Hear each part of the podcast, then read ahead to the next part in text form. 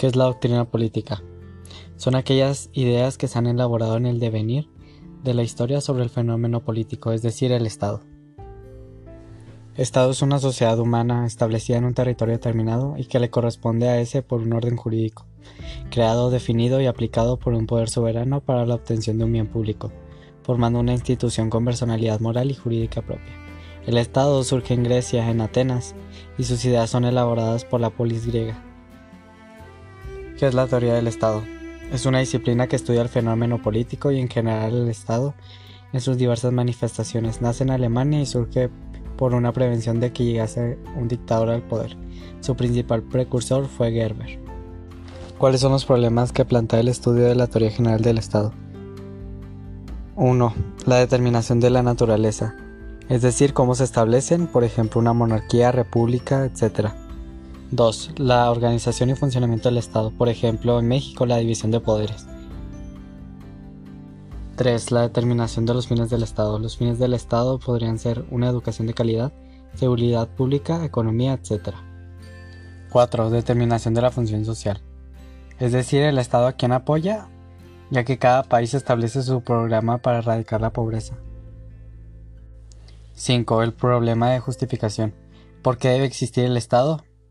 La respuesta sería para imponer un Estado de Derecho y fomentar las relaciones entre los particulares. ¿Qué es la enciclopedia jurídica? Es un conjunto de disciplinas que se dedican al estudio del fenómeno político. La clasificación de la enciclopedia jurídica se divide en fundamentales, especiales y auxiliares. Las fundamentales a su vez se dividen en la filosofía política, la historia política y la ciencia filosófica histórica. La filosofía política es una disciplina que estudia el fenómeno político con el objeto de obtener un conocimiento filosófico del mismo. La historia política es una disciplina que estudia el origen y desarrollo de los fenómenos políticos. Esta se subdivide en dos ramas, que vendrían siendo la historia de los hechos políticos, por ejemplo, la independencia de México, la Revolución Mexicana, la masacre del 68 y la historia de las ideas políticas, la creación de una nueva constitución o la división de los tres poderes. Después sigue las ciencias filosóficas históricas. Estas son una disciplina que procura explicar las causas de los fenómenos políticos, realizando una crítica de los datos proporcionados por la historia. Especiales. Son aquellas que se encargan del estudio acerca de los aspectos parciales del Estado. Estas se dividen en la teoría del Estado, teoría de los derechos mexicanos, teoría de la representación, teoría de los hechos jurídicos y teoría constitucional. Por último están las auxiliares. Estas se dividen en la sociología, estadística y psicología.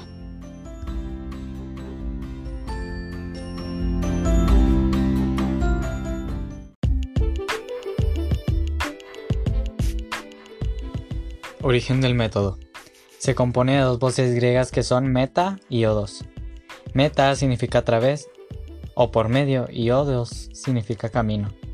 Es decir, por medio del camino o a través del camino. El método indica dos elementos que son indispensables, el orden en el procedimiento y la búsqueda de un fin determinado. Concepto de método. Es el procedimiento o el camino que sigue el pensamiento humano para llegar al conocimiento de la verdad sobre el contenido de determinada rama del saber. Su principal precursor fue René Descartes. En su obra El discurso del método decía que el éxito y el fracaso de una persona estaba superditado al método. La máxima de René Descartes es pienso y luego existo. Descartes decía que todo método debería de tener una serie de elementos, los cuales son orden y disposición. Agudeza mental. Se requiere que estemos en constante formulación de preguntas, descubrimiento de la verdad y la lógica. Estudiar las condiciones de validez del juicio y el del razonamiento. John Locke planteó el método en relación a los sentidos.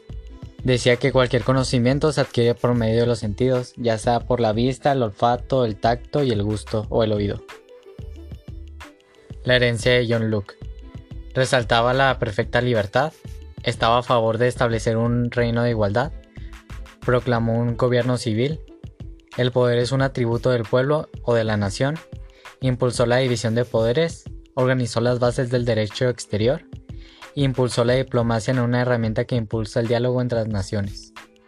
Los autores que analizaron varios métodos para conocer la teoría general del Estado. Berkeley pertenece a la corriente racionalista, tiene un tratado que se llama Tratado sobre el principio del conocimiento humano. Aplicó un método para la teoría del Estado y consideró que las ideas políticas puede haber muchas, pero ideas verdaderas pocas. David Hume tiene un método para estudiar las ideas políticas. Su método es análogo, Dice que las ideas políticas no pueden tener una validez absoluta y universal, sino que varían con los diferentes estados concretos. También decía que toda idea política nació para ser cuestionada. Emmanuel Kant tiene una crítica al método.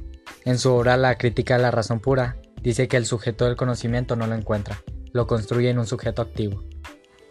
Doctrina humanista, obra de tal modo que trates a la humanidad tanto en tu persona como en cualquier otro, siempre como un fin y nunca como un medio. Emanuel se formula tres preguntas. ¿Qué debo hacer?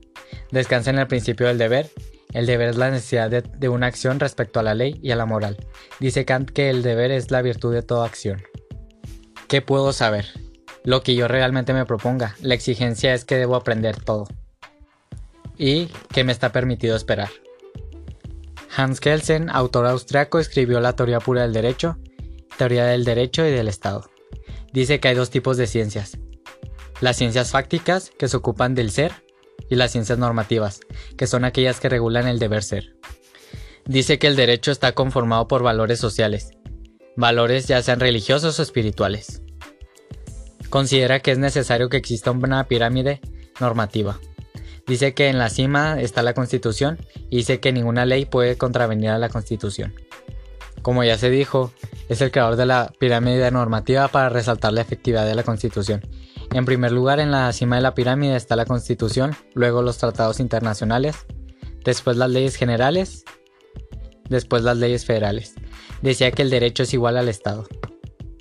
Andrés Serra Rojas hizo la búsqueda del método adecuado, la cual se dividía en método observación, método experimentación, método biológico, método psicológico, método jurídico legalista, método histórico método comparativo y por último método filosófico.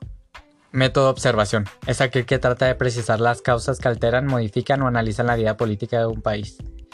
El Estado está obligado a analizarse a sí mismo, ya sea analizando sus errores y sus aciertos para poder mejorar. Método de experimentación es un método de alcance limitado porque la vida política es un extraordinario proceso sinérgico entre los gobiernos y las estructuras de los ciudadanos. Método biológico.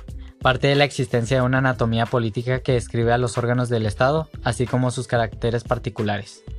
Método psicológico. Reviste particular importancia por la naturaleza anémica de los fenómenos sociales. Y esta se subdivide en varias ramas, que es el ser humano, el uso y la aplicación de su inteligencia y la sensibilidad de los sentimientos. Inteligencia emocional. Residencia. Consiste en que el individuo debe realizar una tragedia para salir adelante la madurez, las personas es apta para el cumplimiento de sus derechos y obligaciones. Un estudio hecho en Harvard de 1960 decía que el promedio de edad para que un joven pueda mantener una familia es a los 18 años. Habíamos hablado que ahorita el promedio de, edad es a los 26. Sócrates, Aristóteles y Platón estaban de acuerdo en que el ser humano debe vivir en base a su raciocinio.